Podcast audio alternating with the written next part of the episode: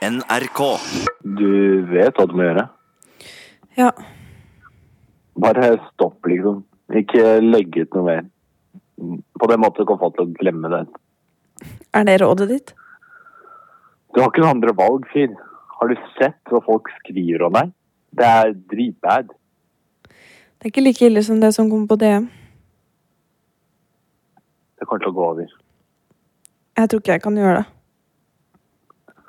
Hva mener du nå, Frid? Jeg kan ikke bare stoppe å late som ingenting har skjedd. Er du seriøs? Du fikk med deg den lille samtalen du publiserte i går, ikke sant? Den du var med på? Du kan ikke seriøst mene at du har noe som helst mer å si etter det der? Jo. Ja, OK. Jeg, jeg gidder ikke mer. Hva da? Drive og backe deg når alt du gjør, er å ødelegge for deg selv. Jeg har jo ikke sagt hva jeg skal gjøre engang. Ja, OK.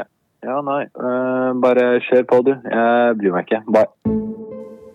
Det her har vært um, veldig vanskelig uh, å ta en beslutning på. Um, å lage enda en episode av Natt til lørdag. Bare spesielt etter i går og etter da gått opp for meg hva jeg har gjort mot Maja. Men det er én ting jeg bare må gjøre først, sånn at jeg vet at det er noe her som jeg har gjort riktig. Fordi jeg har kjørt på og sagt og ment masse om hva folk burde gjøre etter et overgrep. Og selv om jeg ikke har ment å liksom gjøre noe feil, så vet jeg jo ingenting. Og etter jeg har fått så mange forferdelige historier fra dere som hører på, så bare syns jeg dere i det minste fortjener noen ordentlige råd, da. Så det her er gjort i beste mening. Altså, jeg bare dro for å prate med noen som faktisk vet noe om det her. Anne Berit Lunde, jeg er fagleder på sosialambulant akuttjeneste, som jobber med både akutt og oppfølging av de som kommer for overgrep på legevakten. Eline Torleifsson, jeg er overlege på overgrepsmottaket på legevakten. De kunne bl.a. fortelle meg at det er opp til den som kommer inn på overgrepsmottaket, om de vil anmelde eller ikke. Rundt halvparten velger å ikke gjøre det. For det å bestemme seg for å anmelde eller ikke, er ikke like enkelt som jeg så det for meg. Altså, det som gjør at dette med spørsmålet om anmeldelse er vanskelig for folk, det er jo at på den ene siden så orker man jo egentlig ikke å anmelde, fordi at man orker ikke å ta belastningen det er å gå gjennom avhør, politi, rettsvesen, den type ting. Det er enormt belastende. Eh, På den annen side så er jo mitt inntrykk at de aller fleste føler veldig sterkt på et samfunnsansvar. eh, Og snakker mye om det.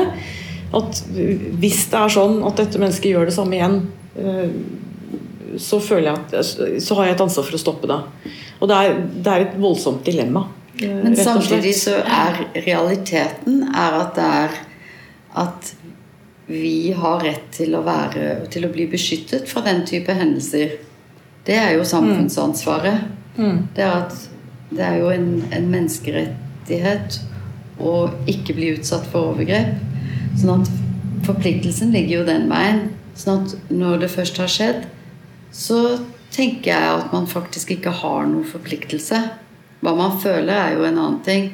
Man har ikke en forpliktelse da. Det viktigste er å ta godt vare på seg selv og la seg bli godt tatt vare på.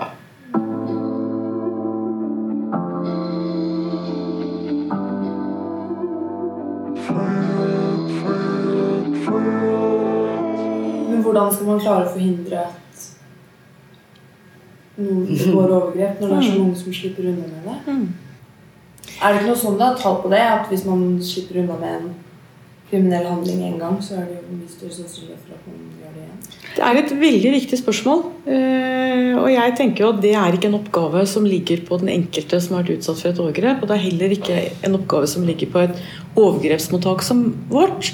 Det er, samfunns, altså, det er jo et samfunnsansvar. Det er, et, det er fellesskapets ansvar å sørge for at vi skaper et samfunn som er så trygt at dette stoppes, at dette ikke skjer. Sa glad jeg lovte, kun sannhet i bildet jeg skårte, jeg lover. Disse tankene er en gåte. Det kjentes trygt å sitte der med dem Jeg bare skjønner ikke at de kan prate så rolig og smart om det. Men jeg ville vite mer om hvem disse overgriperne er. Veldig mange tenker at voldtekt, ja, da, det er, da blir du overfalt av en fremmed person.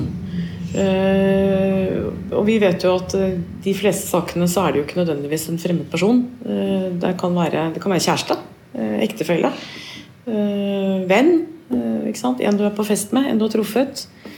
Eller i hvert fall snakket med en, viss tid. Sånn at Ja. Det er mange varianter.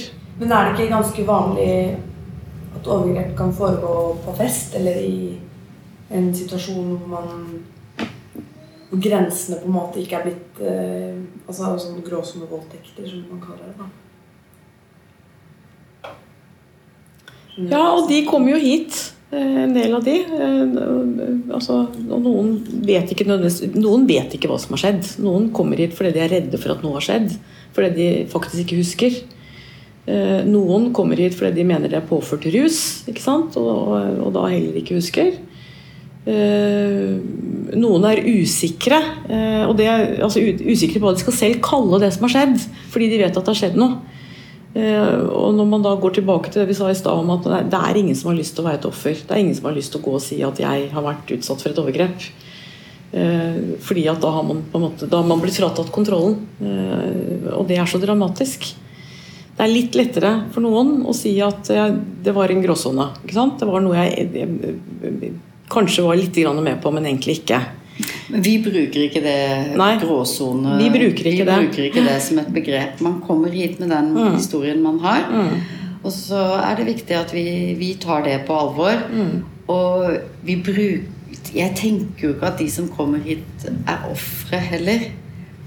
Det er mennesker som har opplevd en forferdelig vond hendelse, som skal videre med resten av livet sitt.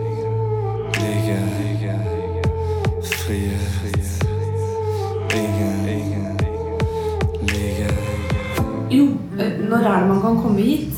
Eh, må man være helt Vi har snakket litt om det, men mm. du, altså, må man være helt sikker på hva man Nei, nei. er for noe? Nei. Du kan være 100 usikker, men kjenne på ubehaget og at nå trenger jeg å snakke med noen. Da kan du komme, og du kan komme når som helst hele døgnet. Jeg var altså så kvalm. Fordi min måte å løse det her på, det har ikke bare vært feil, den har vært helt jævlig. Jeg fikk dårligere og dårligere samvittighet for alt jeg har gjort. Og rundt her, når vi snakker om hva venner kan gjøre feil, så holder jeg på å knekke sammen. det veldig mange gjør umiddelbart når de får vite om noe sånt eller har mistanke om noe sånt, det er å begynne å leke detektiv. Og prøve, ja, men Hva skjedde etter det? Hva husker du? Hva husker du ikke? Eh, hvor mye hadde du Altså At man begynner med alle de spørsmålene som er så vanskelig. Basically det jeg har gjort, bare på en fuckings podkast som er tusen ganger verre. Jeg klarte å skjerpe meg, og de fortalte hva man faktisk bør gjøre om det har skjedd noe slikt med noen du kjenner. Vær litt sånn nøktern. Hva er det som har skjedd? Hva, hva, hva trenger du nå? Eh, det jeg alltid pleier å si til de som har vært her akutt, det er nå skal du ikke gå hjem og sove. Eh, du kan holde deg våken i 6-12 timer. Eh, du skal ikke være alene. Vær sammen med noen du er glad i, noen som bryr seg om deg. Og gjør noe hyggelig. Se på en tegnefilm, eller spis middag, eller gå en tur. Gjør noe hyggelig. Gjør, legg noen gode minner oppå de vonde. Sånn at det er, det du tar med deg når du går og legger deg. Det er ikke farlig å ikke sove på tolv timer eller på et døgn. Altså det, det klarer man. Eh, og så er det et sånt standard, gammelt standardknep eh, som er sånn råd vi gir folk i den akutte, og det er sett deg ned og spill Tetris. Det, det, det skal hjelpe på eh, litt sånn å tømme hodet i forhold til alle de skumle tankene som, som man har. Fordi man tenker på noe konkret. Da har man fokuset på noe helt annet Ja. Eh, en god stund. Eh, og så blir man litt sånn sugd inn i det. Hvorfor skal man ikke sove? Eller er det? Eller det er ikke viktig å sove. Hvis man, det er ikke sånn at man må holde seg våken. Men det er ikke viktig å sovne. Fordi at da begynner man å, å jobbe og, og bearbeide. Og de fleste vil uansett sove en urolig, sånn marerittslignende søvn. Så det er, ikke, det er ikke viktig. Men det man Ikke sier med, med søvn Søvn og følelser er det vi kaller traumeforsterkere.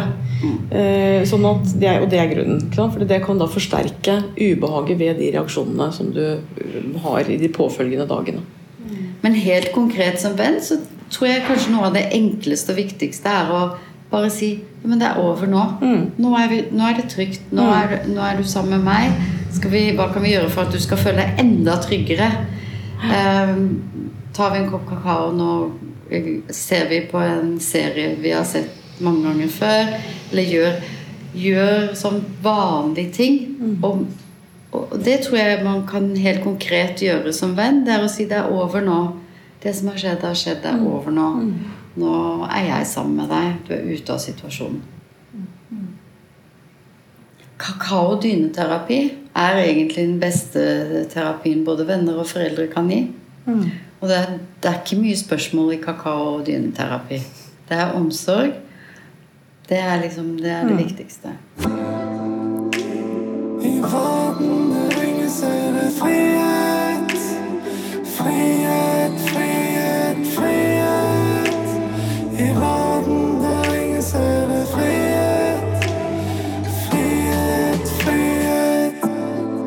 Jeg håper du ikke får bruk for de rådene her. Men jeg skulle så inderlig ønske at jeg visste det her før. Så til slutt så forklarte jeg dem alt som har skjedd siden dette begynte. Jeg fortalte dem at jeg hadde ringt og ringt, og litt om gårsdagens møte og min ja, em, teori da, om de greiene der. Hvorfor det møtet gikk som det gikk og spurte dem helt konkret hva gjør jeg nå? Da ville jeg tenkt, Frida, at da måtte du finne deg i det. At du er avvist. Men at du kan sende en siste SMS hvor du skriver telefonnummeret f.eks. til overgrepsmottaket. Eh, og at du sier at eh, hvis du skulle ombestemme deg, så kan du ringe dit. Og så er jeg her hvis jeg kan hjelpe deg. Og at du skal slutte å mase nå. Så det er det jeg skal gjøre akkurat nå. Skal vi se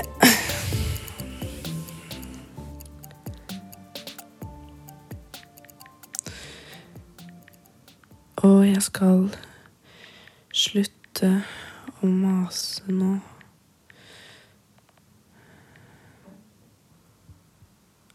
Sånn. Da er meldingen skrevet. Akkurat som de foreslo. Ja, plutselig til, da. Noen ting jeg ville få sagt. Men eh, det blir mellom oss. Da får vi se hva som skjer.